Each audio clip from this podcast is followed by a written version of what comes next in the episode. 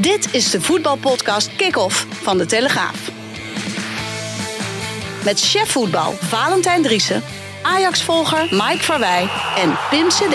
Ja, en een hele goede dag. We nemen nog op vanuit het eh, crematorium eh, op de redactie. Maar daar komen eh, veranderingen in. Zo lijkt stukje, het. Jij een stukje cake? Ja, precies ja. Want eh, er is echt eh, oprecht veel interesse om onze theaters in eh, te laten gaan, Valentijn. Ja, ik heb niks gehoord. Oh, jij hebt niks gehoord? Nee, de onderhandelingen lopen op dit moment.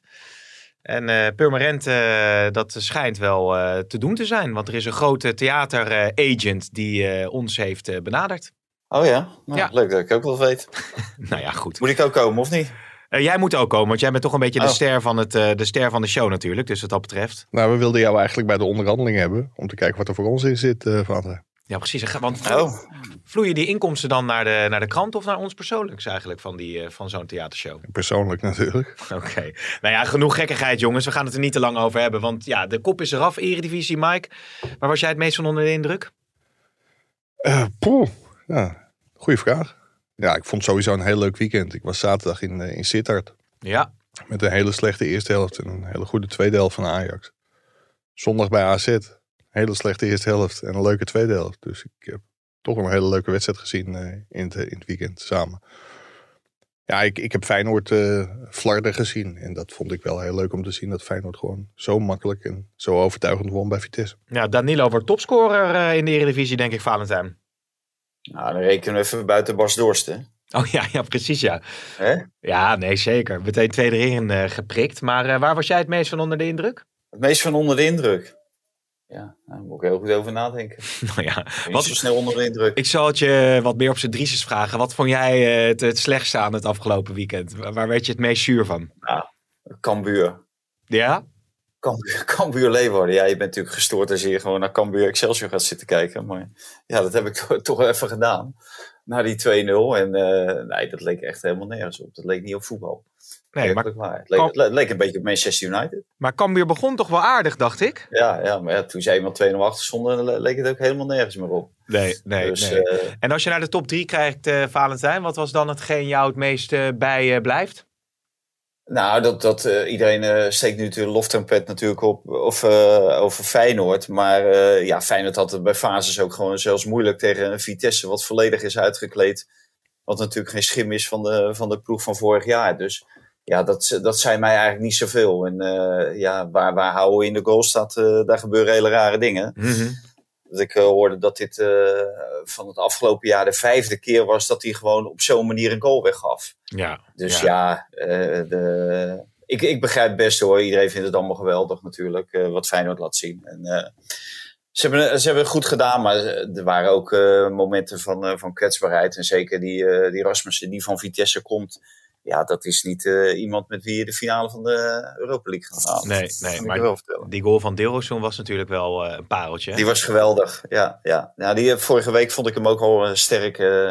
ja, die, die, hij heeft gewoon een 1 tegen 1 actie. En, en, en het lef om die te maken. En hij komt er heel vaak voorbij.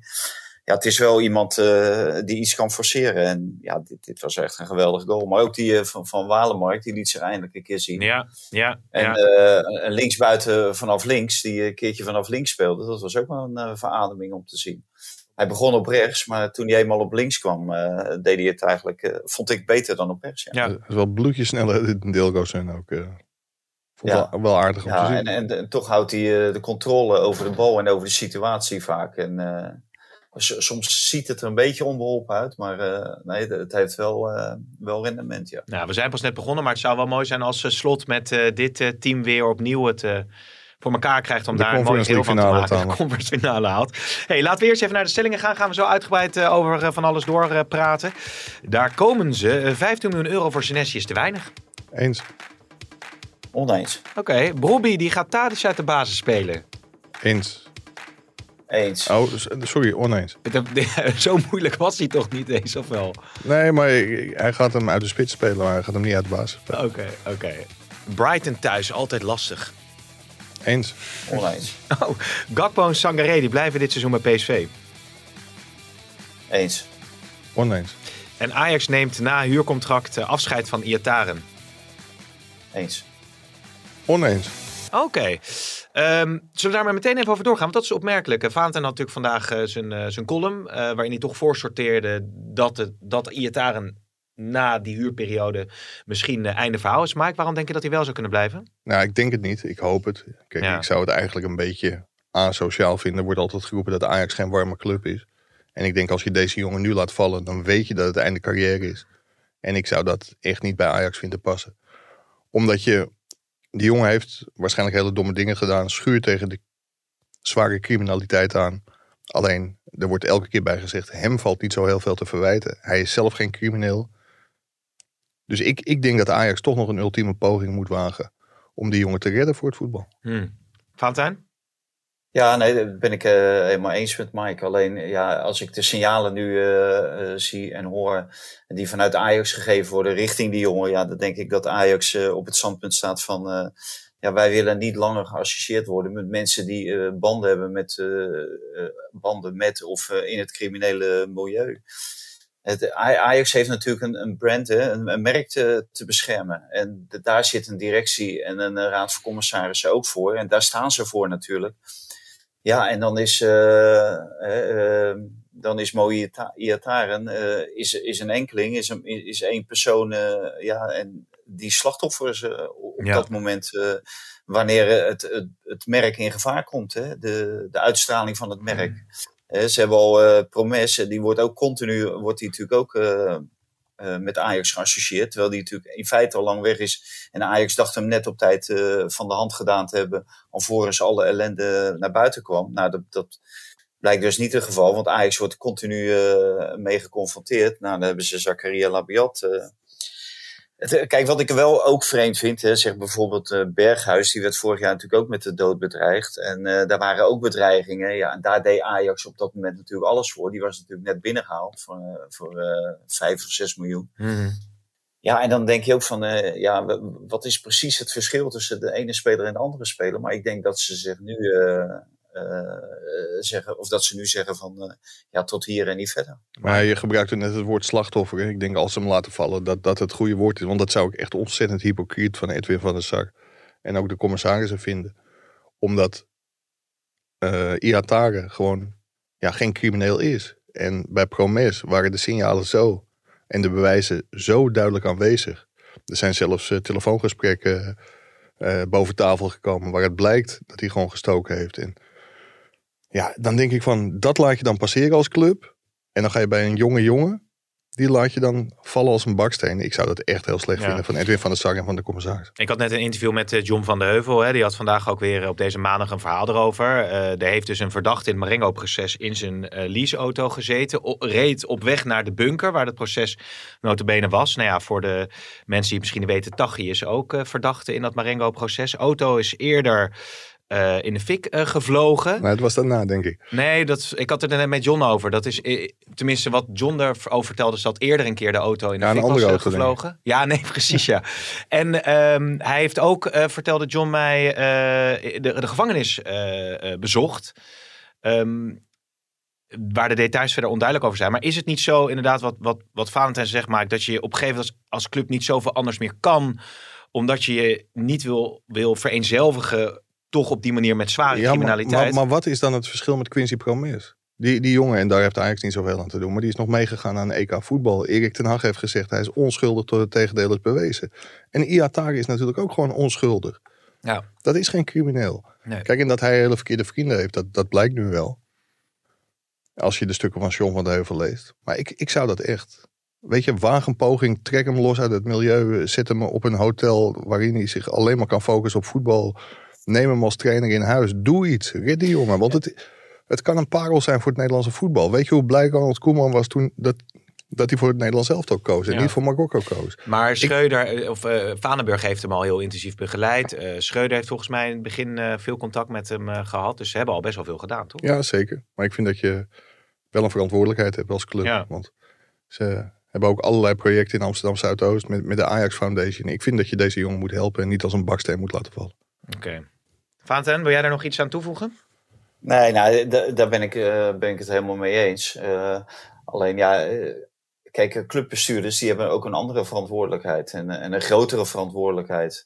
En als, als blijkt later, uh, blijken er misschien meer dingen te spelen. Ja, en, en er lopen sponsors weg. En bijvoorbeeld Ziggo zegt, ja, hier willen wij niet langer mee geassocieerd worden. Hè? Want, want dat is natuurlijk ook de reden waarom ze Promes als de sodemieter hebben verkocht. Ja. en in dit geval een Spartak Moskou ja, dan, dan, dan moet je, dan moet je het, het, grotere plaatje moet je zien. Daar zijn clubbestuurders voor. Maar ja, ik, voor, voor de jongen vind ik het verschrikkelijk. Omdat die heeft zich natuurlijk wel uh, afgelopen maanden, eh, afgelopen half jaar, laten zien dat hij dolgraag wil terugkeren. Die heeft er echt alles aan gedaan. Alleen, ja, dit zijn natuurlijk geen handige acties. En daar moet hij ook afstand van nemen. Ja. Hè, van, de, van die acties. Dat, dat zal hij dan openlijk moeten doen. En wat Mike zegt, uh, zich volledig terugtrekken uit dat milieu en van die vriendengroep. Uh, maar of dat zo makkelijk is, ja, dat, uh, we weten allemaal als je eenmaal in de tentakels van dit soort organisaties belandt, dat je er moeilijk mee uitkomt. Ja, nou ja, Mark van Bommel is lekker bezig bij Antwerpen met Mark Overmars boven hem. Dus wellicht dat dat dan nog een escape zou kunnen zijn in de toekomst als Ajax ja, die, die, die twee hebben natuurlijk wel hele goede ervaringen met hem. Tenminste, en, en zij hebben er ook allebei eh, voor hem uh, gestaan. En ze zijn er allebei voor hem geweest. Dus hmm. ja, dat, dat, dat zou ik als een enige oplossing. Want als deze jongen uh, op 1 januari terug moet naar Turijn, waar hij een contract heeft, ja, dat, dat wordt echt. dat, dat wordt hem gewoon niet. Nee, dat wordt uh, allemaal vervolgd. Schijn heel vaak te zeggen, overigens. Werd ik op gewezen. Wil jij hier nog iets aan toevoegen, Mike? Ik zie je nog even kijken. Nou ja, Fanta zegt net van die sponsoren. Dat, uh, en Ziggo en dergelijke. Kijk, in principe ben ik het er wel mee eens. Kijk, alleen, nogmaals, hij is geen crimineel. Dus het zou heel gek zijn als die sponsoren dat zouden zeggen. En ik snap wel, als je verkeerde vrienden hebt, dan is het ook niet goed voor het imago. Maar wat, wat vind jij het verschil dan tussen Promes en, en de Iatare van. En denk jij ook dat de bestuurders gewoon een paar pets om hun oren hebben gekregen vanwege de houding rondom Promes, dat ze nu misschien wel overspannen reageren op Iatare? Ja, ongetwijfeld. Maar, maar ik hoor dat uh, als er dadelijk een optelsom wordt van allemaal spelers van Ajax die, hè, en, en er zijn er meer natuurlijk, ongetwijfeld zijn er ook anderen die uh, uh, vrienden, vrienden zijn van jongens die uh, dingen doen die niet door de beugel kunnen. Want ik, ik kan me niet voorstellen dat Ajax exact weet van alle spelers wat zij uitspoken in hun vrije tijd. Dus, uh, die Alvarez zit altijd bij zijn gezin, hè? Die zit altijd bij zijn gezin, ja. Die zit ook bij zijn dochter. Nee, maar dat is niet waar, want die zat, oh. die zat gisteravond met Jorge Sanchez uh, oh, te eten. En die is ook naar de medische keuring gegaan met Sanchez. die heeft zich helemaal over de nieuwe aankoop van Ajax ontfermd. Dus nou. hij zat niet thuis bij zijn vrouw en dochtertje. Maar wat leuk. Ja. Dat vind ik dan ook alweer. Ja. Uh, is dit een mooi bruggetje of moeten we nog iets over Iataren uh, kwijt? Nee, hoor, nee, nee. nee, Nou, dat is toch mooi. Ja. Hè? is natuurlijk als, als, als landgenoot samen. Heeft hij ook echt op Schiphol opgehaald en zo? Nou, dat weet ik niet. Maar hij is wel meegegaan naar de medische keuring. Ja. Vandaag, op maandag. En gisteravond, zondagavond hebben ze gegeten. Ook met de zaakwaarnemers uh, erbij. Bij de Mexicaan? Ja, slakkersoep. Samen met de juridische afdeling van Ajax. Want dat duurt wel weer... Nee, nee, nee. nee. maar dat schiet weer niet op. En ja, er, er, komt echt stoom uit sommige, sommige mensen hun oren. Dat, uh, ze, moet, ze moeten toch echt heel snel een keer naar, uh, naar PSV kijken. Hoe ze dit soort dingen toch beter en sneller kunnen gaan doen bij Ajax. Want ik wil het geen amateurclub noemen. Maar dat is de juridische afdeling denk ik wel. Maar dit heeft ook te lang geduurd, het aantrekken van Sanchez? Nou ja, dat, daar zijn ook weer dingen gebeurd. Dat duurt allemaal zo lang. Bij PSV, als er, uh, als er onderhandelingen zijn en er moet iets aangepast worden in een contract, dan ligt er een kwartier later ligt er een nieuw voorstel. Of een nieuwe versie van een, uh, van een contract. En bij Ajax gaat er gewoon dagen overheen. En wat, uh, wat haalt, nou ja, dat is in ieder geval een punt van zorg wellicht voor, voor de club. ik weet niet of in ieder geval heeft de Rens wel, ster wel, heeft het Rens wel getriggerd. Nou. Die uh, belangstelling. En het aantrekken van die jongen. Want ja, die, die, die speelde echt uh, een prima wedstrijd bij Fortuna. Die scoorde ook nog. Dus uh, dit, dit is ook het juiste voorbeeld van die clubs hè, die natuurlijk graag een grote selectie hebben. En als je concurrentie hebt, daar wordt iedereen gewoon beter van. Dat is hmm. zo oud als de weg naar Rome. Alleen ja, in sommige gevallen kan het natuurlijk ook een een duivels dilemma opleveren voor een trainer. Hè? Want daar heeft Schreuder natuurlijk ook mee te maken. En dan bedoel ik niet Rens en deze jongen, maar uh, voorin wat, die, uh, wat voor keuzes en knopen die hij uiteindelijk moet gaan doorhakken. Ja, je legt zelf al mooi het, uh, het bruggetje wederom. Maar nog één ding over die Sanchez. presentator word ik. ja. Wat haalt Ajax ja. binnen? Overigens, oh. nee, nee. Wat haalt Ajax binnen met die Sanchez? Want hij wil Champions League finale gaan spelen, zei hij al volgens mij. Ja, een bravoure mannetje. Het is een uh, bonkig ventje. En volgens mij een betere verdediger dan een voetballer. Dus er zal hem ook nog een hoop eh, bijgeleerd moeten worden. Maar het is een 21-voudig international van Mexico. Hij heeft al meer dan 150 wedstrijden voor Club America gespeeld. Daarin veel meer gele kaarten gepakt dan gescoord. Maar dat is ook niet zo gek voor een, eh, voor een rechtsback. Ik geloof 25 gele kaarten en drie rode kaarten. Maar dat eh, betekent wel dat hij ook voor het, het Latijnse gif, Valentijn zijn gek op, Ja, op Ginta, Ginta. Ginta. Ja. Groenta is wat anders. Ja, ja, de. Ja. Groenta. Hij zorgt voor wat groenta binnen de selectie. Moeten we niet hebben, denk nee, ik. Nee, Wil je net over Iataren, komt opeens een groente. Ja, maar 5 miljoen met bonus. Bonusjes erbij. Maximaal half miljoen en een percentage doorverkoop. Oké. Hey, maar Valentijn, jij had het over eh, de concurrentiestrijd eh, voorin. Denk je dat Bobby uiteindelijk in de spits gaat en dat Tadic op de bank terechtkomt? Nou, het is wat Mike zegt. Ik denk dat wel dat Tadic de spits uitgaat. Eh, want Ajax heeft gewoon een, een normale spits nodig. En dat is eh, al sinds mensenheugenis. eh internationaal. Als je niet altijd de bovenliggende partij bent, dan kan je natuurlijk wel met een, een valse spits spelen. Maar in de eredivisie moet je gewoon met een, met een vaste spits spelen. En dat is Bobby veel meer dan Tadic. Dus Hmm. Alleen ja, dan zit je met de recordaankoop Bergwijn. Die staat op de plaats van, eh van Tadic. Waar Tadic natuurlijk geweldige cijfers kan overleggen. En ook, eh volgens mij had hij nu bij Fortuna zit dat ook weer een assist. Ja, daar, daar zal Schreuder op een gegeven moment de keuze eh, moeten maken. Maar ik, ik denk dat Ajax zonder spits eh, niet eh, de Eredivisie overleeft, zeg maar. Nee. Dan worden ze geen kampioen. Nou, het bijzondere is wel dat Brobby, kijk bij Leipzig, daar is hij vorig jaar naartoe gegaan. Na de winter bij Ajax gekomen. Voor de winterstop nou, praktisch niks gespeeld bij Leipzig. Na de winterstop geblesseerd geraakt. Wel heel erg belangrijk geweest voor Ajax. Met zeven doelpunten in, de Eredivisie. Meer tegen NEC de winnende goal, maar ook twee tegen Utrecht tegen PSV. Dat was in de fase dat Haller naar de Afrika Cup was. Tegen AZ scoort hij, die 2-2. Dat was nog een belangrijk Ja. puntje op de dag dat eh, Feyenoord de late penalty tegen PSV kreeg. Dus hij, hij is wel heel belangrijk geweest, maar hij heeft niet heel veel gespeeld. En wat eigenlijk wel verbaast is dat hij desondanks hele grote stappen lijkt te hebben gemaakt. Voorheen was hij wel eens weg uit de spits, was hij een beetje druistig. eh, ook aan de bal had hij wel ruzie met de bal, maar hij lijkt nu veel gecontroleerder. En Mm. het lijkt hem ook wel goed te doen dat hij nu de wetenschap heeft dat hij gewoon weer vijf jaar in Amsterdam kan voetballen. Want het is natuurlijk een jongen met enorm veel heimwee die ja, op zijn knieën terug wilde naar Amsterdam. Weliswaar voor heel veel geld, maar dat kostte Ajax gigantisch veel. Maar je merkt wel dat hij heel erg op zijn gemak is. En ik denk dat ze daar echt een topspits aan hebben. Ja. Ja, maar wie is uiteindelijk... eh, kijk, natuurlijk eh, kan eh, Schreuder doorwisselen wat hij wil. Maar wie, wie denk jij dat dat kind van de rekening kan worden... als je het over het hele seizoen gaat bekijken? Even los van blessures en zo. Dat zou wel eens Berghuis kunnen worden. Samen met Klaassen. Of misschien toch, toch wel weer Taylor. Ik denk dat hij altijd op links zal kiezen voor Bergwijn. En dat hij uiteindelijk gaat kiezen voor, voor Robbie in de spits. Anthony is natuurlijk ook onomstreden. Ja, dan denk ik dat Tadic op 10 komt. En Ja. Dan heb je nog maar twee andere middenveldposities in te vullen. Alvarez is normaal gesproken een zekerheidje. Bij Valentijn niet helemaal, geloof ik. Maar ik denk Nee, bij als ik Taylor van de week zie, dan eh, denk ik van... eh, ja, dan zie ik liever eh Taylor op die plaats dan, eh dan Alvarez, ja. Maar ja, Zo Taylor, begint. Taylor, Tadic en Berghuis is natuurlijk wel heel aanvallend voor je Ja, middenveld. maar dat gaat hij nooit doen. Dat gaat Nee. hij natuurlijk nooit Nee, doen. dus hij gaat Kijk, waarschijnlijk ik vind al- ook met Brobby moet je ook, als je Brobby speelt, moet je ook Klaassen spelen. Ja. Eh, want ik, ik begrijp heel goed dat als Stadi speelt, dat je dan niet eh, altijd met Klaassen speelt. Want dan, eh, dan moeten die eh flankspelers moeten al naar binnen. Dan heb je al zoveel bewegingen, dan mag het niet, allemaal niet dichtgelopen worden. Maar ja, met Brobby, dan is het natuurlijk geweldig als die Klaassen er ook nog bij hebt. Ja, weet je wat ik wel vind? Als Robbie speelt, wie je dan altijd moet opstellen? Taylor. Als Taylor de bal krijgt... ja, maar jongens, nu, nu, nu wordt het helemaal ingewikkeld. Nee hoor, je kunt best met Alvarez, Taylor, Tadic spelen Ja. op het middenveld. Maar dat, dat zou dan... En daarom zeg ik dat het misschien wel ten koste gaat van Klaassen en Berghuis. Maar ik vind als je Taylor de bal krijgt... Het, de eerste waar je naar kijkt is Robbie. Die kennen elkaar sinds Ja. ja, van, van kleins af aan. Ja, die voelen elkaar blindelings aan. ja, nou, Mike, Mike Feyenoord eh, luistert deze podcast, PSV luistert deze podcast. nou, verklap jij gewoon een geheim.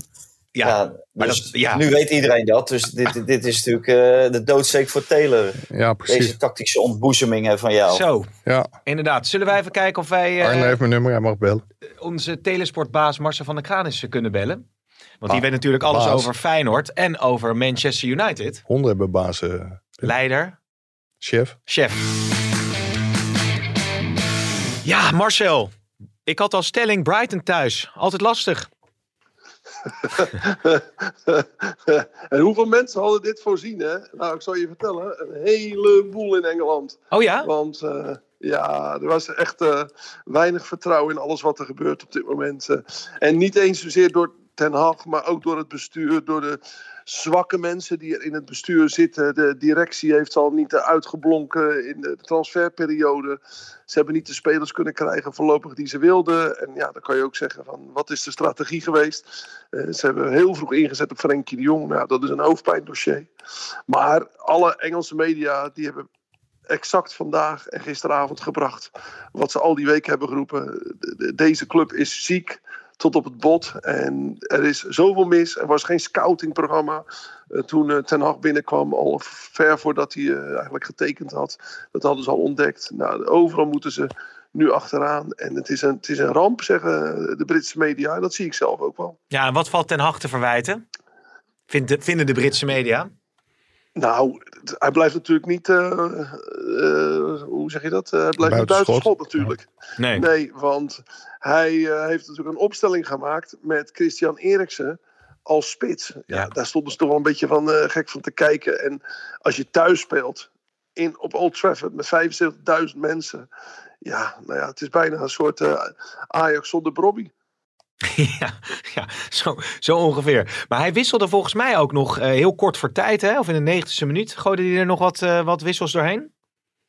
Ja, nou de, de enige wissel waar het uh, de 75.000 mensen en ik denk 20 miljoen mensen in Engeland om te doen was, was die van Cristiano Ronaldo. Ja, ja. En nou, nu merk je wel dat iedereen een beetje in een spagaat zit in Engeland. Want het is de wereldster. maar die heeft wel zijn kuren. En Ten Hag heeft natuurlijk groot gelijk dat hij zegt van... Uh, hij is niet fit. Hij heeft uh, één training, een half wedstrijdje in de, in de benen. Is na die halve wedstrijd alweer in, de, in de Rolls Royce gestapt om naar huis te gaan. bleef niet bij de ploeg. Nou, dat zat hem ook dwars. En eigenlijk had Ten Hag in de ogen van heel veel Britten moeten zeggen... Sodemieter jij lekker op, mm. Cristiano.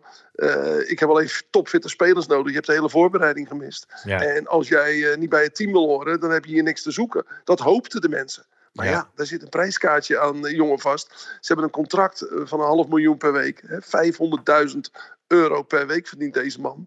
En uh, ja, als ze het nu tegen hem zeggen, ga jij maar weg. Dan zegt hij, oké, okay, mag ik even aftikken voor de afkoop van het contract. Dus ja. ja. dit is allemaal weer niet zo makkelijk. Was ook wel de pech dat uh, Martial natuurlijk niet uh, kon spelen. Ik geloof dat twee trainers hun eerste wedstrijd of eerste thuiswedstrijd bij Manchester hadden verloren na Ferguson. Dat waren dan Van Gaal en Ten Hag, hè, dacht ik.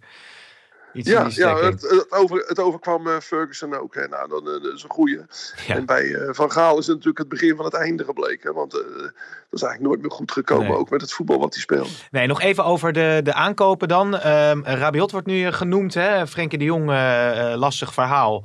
die willen ze misschien halen. Ik zag in één keer Arnautovic ook voorbij komen. Ja, dat klinkt toch een beetje. Zijn dat dan de spelers die die club er bovenop moeten helpen? Nou, als dat een speler is die hij kiest omdat hij daar in het verleden mee heeft gewerkt, dan zeg ik, dan ben je niet op de hoogte van de werkelijke impact van de Premier League het, en van de, de grootte van de club Manchester United. Je kan toch niet Arnautovic gaan halen die bij Stoke City heeft gespeeld in Engeland om Manchester United uit Nee. slop te halen. Nee, precies. Dus uh, het is uh, afwachten welke spelers hij dan uh, gaat halen. Hoe dan ook wordt het een mooi avontuur. Roy Keane had geloof ik al gezegd dat het tijd wordt voor meer investeringen. Valentijn, het is allemaal wat hè, bij, bij dat Manchester. Ja, ja ik, ik hoorde natuurlijk ook, we hebben het vorige week over gehad, over die verbouwing van Ten Hag. En nou weet ik wel Dit dat... klonk heel raar. hoor. Je doet op het stadion dan. Dit klonk heel toch? raar, die verbouwing van Ja. Ten Hag. Het zou Ja, wel wat zijn als, als, als je ja. haarimplantaten zou hebben. Hè? Net als, eh het is het, uh, Kleiber en Masraoui geloof ik ook hè? Ja, precies. Maar die verbouwing van het stadion, hè, hij ging toch die, die bankers Nee, overbouwen? zeker, Nou, zeker. Volgens mij heeft hij nu eh, inmiddels een lift nodig om eh, naar het veld te komen. Want, want hij zit eh, ongeveer op eh, drie hoog. En Ja. eh, de hele, eh, alle spelers zitten voor hem. En hij zit er helemaal boven. Dus hij moet een enorme eh, afstand overleggen om naar het veld te komen. Ja. Ja, en in die tussentijd eh, kan hij mooi bedenken wat er allemaal veranderd moet worden. Want ja, het draait natuurlijk voor geen meter. Nee, hij dat liep naar beneden en in de tussentijd scoorde Brighton twee keer. Ja, eh, Marcel, nu ik jou toch even spreek, nog heel even ook over, eh, over Feyenoord. Eh, uiteindelijk dus toch eh Senesi weg, eh, eh, Senesi weg voor 15 miljoen. Ja, die zullen nu, eh, zit al meer, meer dan 60 miljoen eh, zitten ze al, eh, geloof ik, hè, qua inkomsten. Ja, nou je zag dus dat Senesi inderdaad niet naar West Ham ging. Hè, want die hadden zich, uh, zouden zich gemeld hebben. Maar dat Bournemouth, dat, uh, ja, dat, dat wilde hem per se wel hebben. En toen hebben ze in het weekend gezegd van nou, oké prima. Maar dan moeten wel 17 miljoen moeten er op tafel komen. Hè? 15 vast, uh, nog een paar miljoen aan bonussen. En, uh, uh, nou, en daar bleken ze toe bereid. En dan zie je dat er bij die Engelse clubs altijd wel geld is. Dus Feyenoord heeft nu drie spelers aan Engelse clubs verkocht. En daar hebben ze flink zaken mee kunnen doen. Dat is de bulk van hun inkomsten. En dankzij al die inkomsten is, staat de club er een stuk beter voor. En kunnen ze nu tegen Benfica uh, dat is een club die altijd uh, voor een dubbeltje op de eerste rang wil zitten. Kunnen ze zeggen van joh, als jullie geen uh, 15 of 17 miljoen betalen voor Frederik Ausnes, die Noor, ja. dan, dan komt hij helemaal niet. Dan laten we hem helemaal niet gaan. Nou, en dat is wel de, de, de zetel waarin Feyenoord nu zit. Met het nieuwe beleid en met, met, met wat Arne Slot heeft neergezet met dat elftal. Ja, Mike? Maar vind jij 17 miljoen veel voor Senesi Marcel? Want als je ziet dat er in totaal misschien wel 67 miljoen voor, uh, voor Lisandro Martinez wordt betaald. Een paar jaar geleden, of vorig jaar werd er geroepen van nou, hij moet minimaal 30 miljoen uh, op, opleveren, Senesi.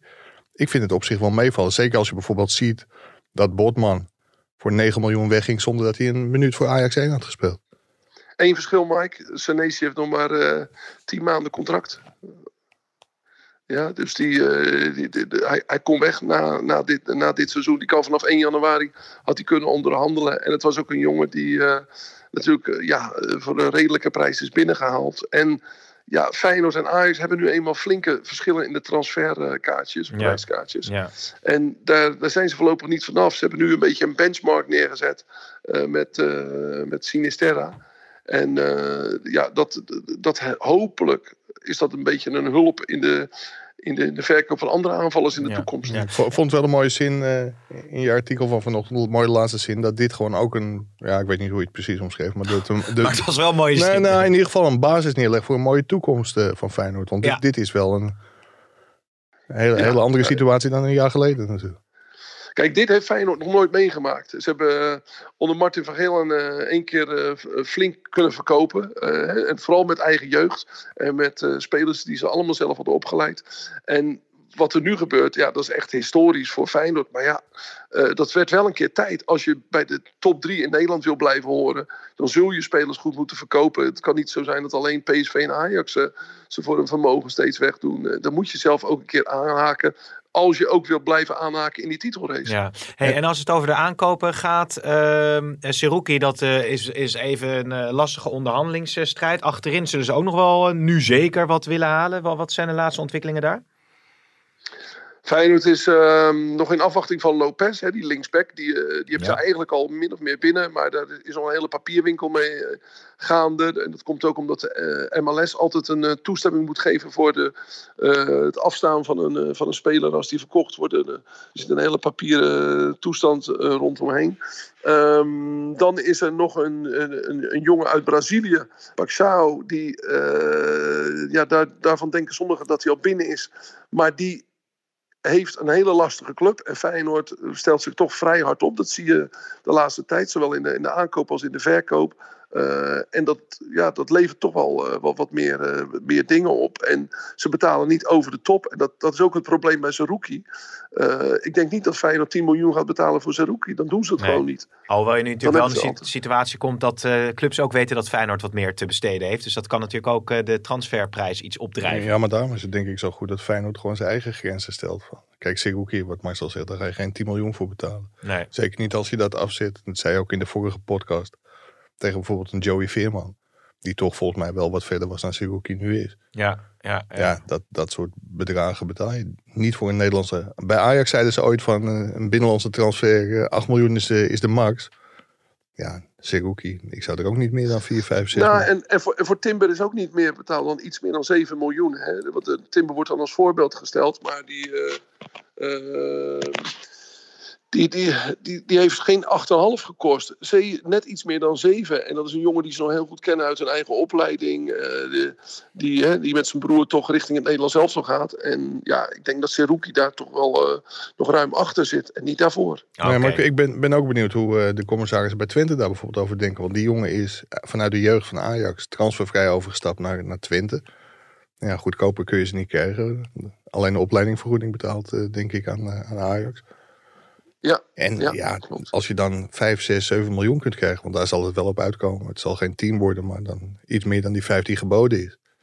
Dan denk ik, ja, Ja. dan ben je misschien ook wel een dief van je eigen portemonnee als je dat niet accepteert. Nee, nee, nee. We gaan kijken hoe dat verder gaat. Marcel, dankjewel. Dag mannen. La sua colonna sonora.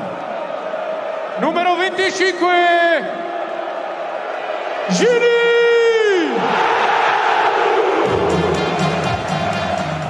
Gini Wijnaldum, hè, de grootst gepresenteerd bij eh AS Roma. Om maar even iets bij het buitenland eh, mee eh, te pakken.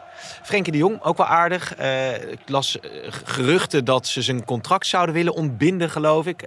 Had je er iets van gezien, Valentijn? Ja, nou ja, het, het, het, verhaal is dat eh, het contract wat hij heeft afgesloten, het zijn allereerste contact is natuurlijk met het vorige bestuur. Ehm, en eh, dat vorige bestuur heeft als laatste daad, voordat ze vertrokken, hebben ze zijn contract opengebroken, verbeterd en verlengd tot 2026. Ja. En het huidige bestuur, eh, dat probeert natuurlijk schoon schip te maken, dat zegt nu dat eh, dat contract niet reglementair is, omdat zij eh, verdenken het vorige bestuur van criminele activiteiten. En als dat onder een criminele activiteit valt, dan zou dat contract inderdaad nietig verklaard kunnen worden. Maar ik denk dat dat eh, gewoon, een, eh, ja, gewoon een poging is van eh, het huidige bestuur van Laporta om Frenkie de Jong eh, te dwingen of te vertrekken of genoegen te nemen met een veel minder salaris. En eh, dat Frenkie de Jong gewoon zijn rug recht moet houden.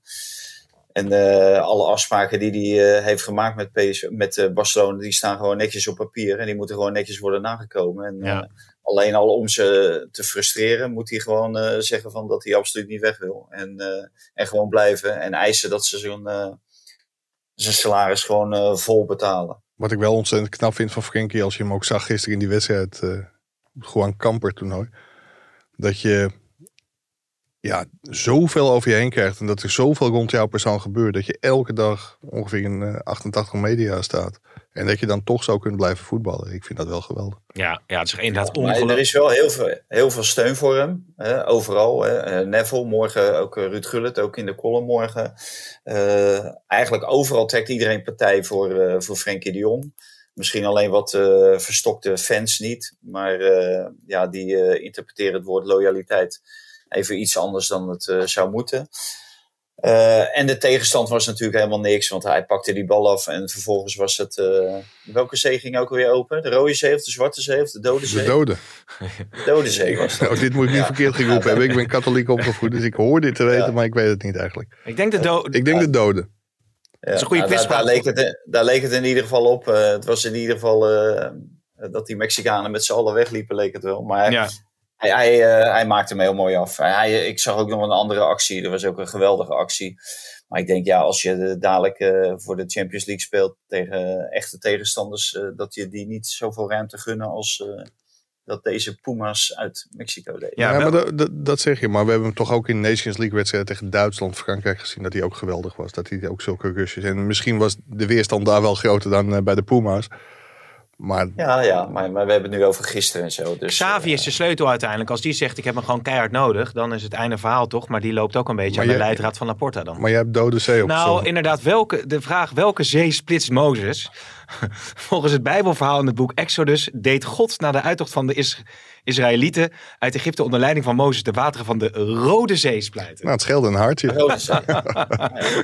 God, we zijn ook van alle markten thuis in deze, in deze podcast. Hè? Maar god, ik eh, was eh, de jongen, god zeg ik dan ook, de jongen hadden we bij deze eh, behandeld.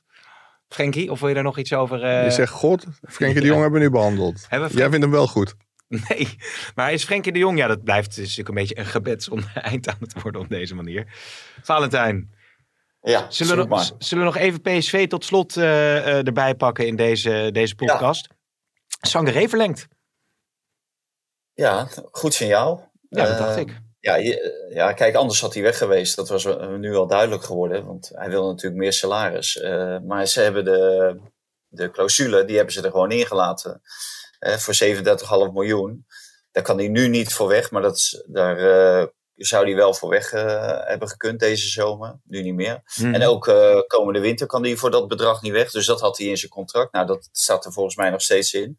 En in de tussentijd, komend jaar, ja, omdat hij langer blijft bij PSV, gaat hij wel meer verdienen. Dus ja, voor PSV en voor Ruud van Nistelrooy natuurlijk een zegen. Want hoe belangrijk hij was, zagen we wel tegen Monaco toen hij uitviel natuurlijk. Ja, wat, wat ik wel heel gek vond bij, bij ESPN, daar zat Kiki Moussampa, de broer van de zaakwaarnemer Jean Moussampa.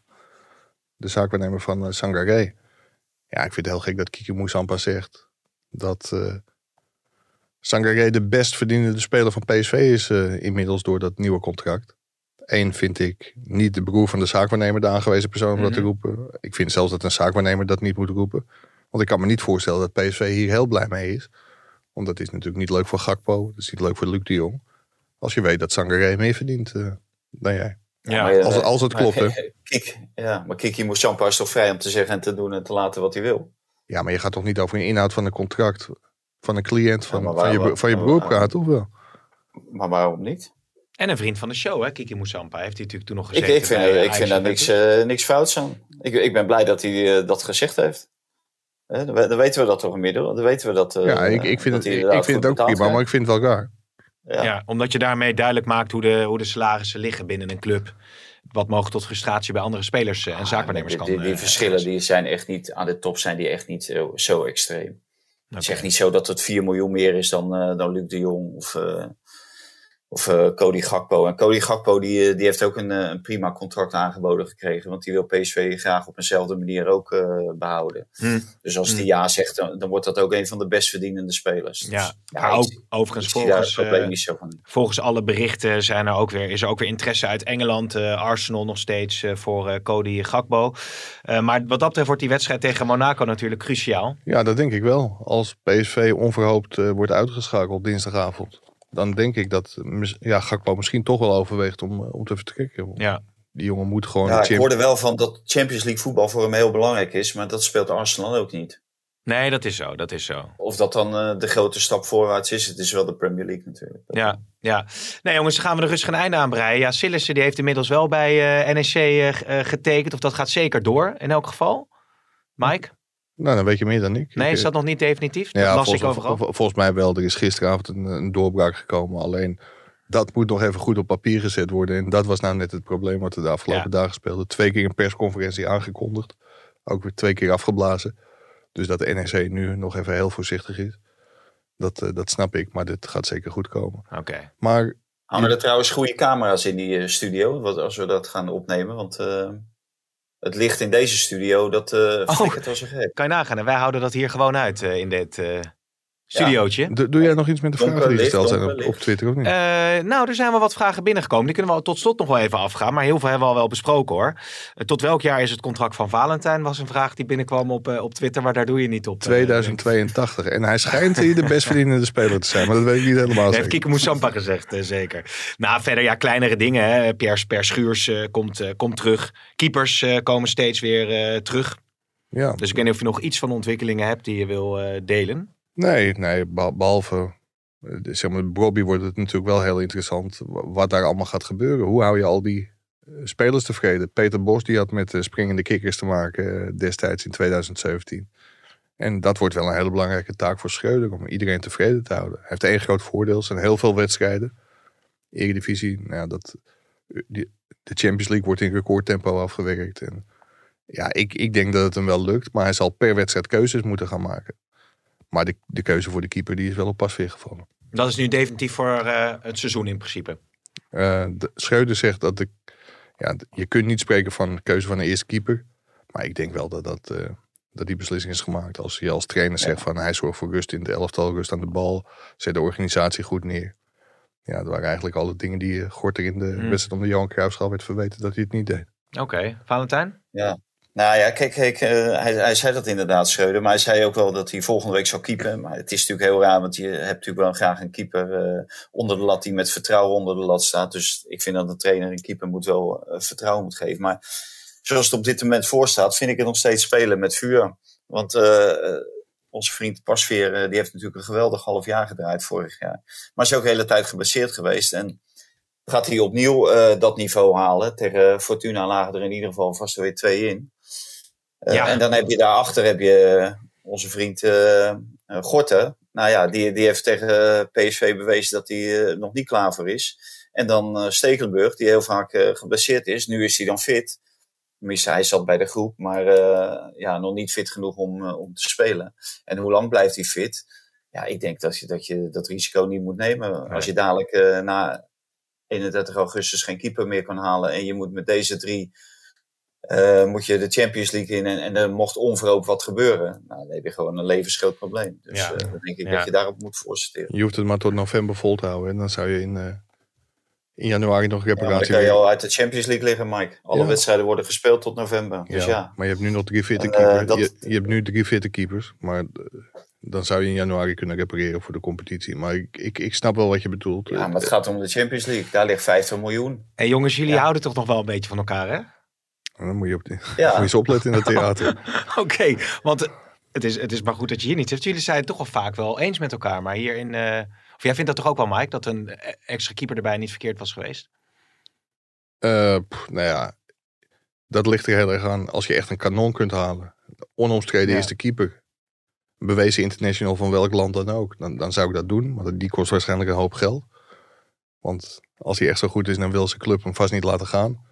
En anders denk ik dat je het met deze drie moet doen. Oké, oké. Nou, moet, ik, ja, moet ik wel even op terugkomen wat ik eerder gezegd heb. Tenminste, wat ik eerder gezegd heb. Ik wilde het zien. Maar ik vind die keeper van PSV, die was gratis. En geen, geen international. Maar die maakt op mij tot dusver wel een uitstekende Ja, maakt indruk. goede indruk. Ja. Ja, maakt absoluut een staat, hele... staat, wel een, er staat wel een kerel in de goal.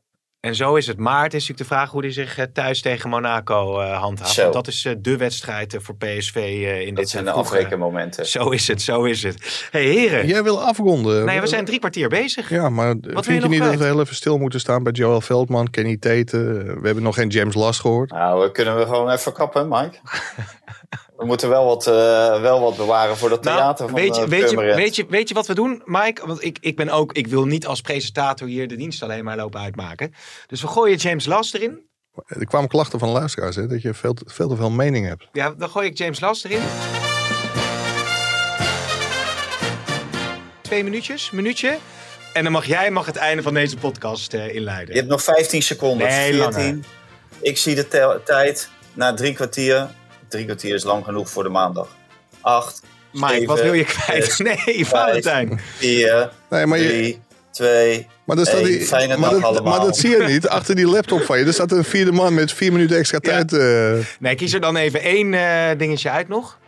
Ik, ik heb ook weer flarden gezien, want in de perskamer van AZ. Ik eh, was geluksvogel, ik mocht naar Fortuna, Ajax en AZ Go Ahead Eagles. Stukken van de, van de wedstrijd eh, van Manchester United. En bij de tegenstander maakte Joel Veldman wel een geweldige indruk. Ja, En Kenny Tete, gelukkig weer fit. Die speelde met Fulham tegen Liverpool. En die pakte heel knap een punt. Dus dat eh leuk om te zien. nou, en dat is een mooi einde van deze Twee, podcast. twee verdedigers die niet eh, worden gezien door Louis van Gaal. En daar gaan we het later zeker over hebben. Heren, dankjewel.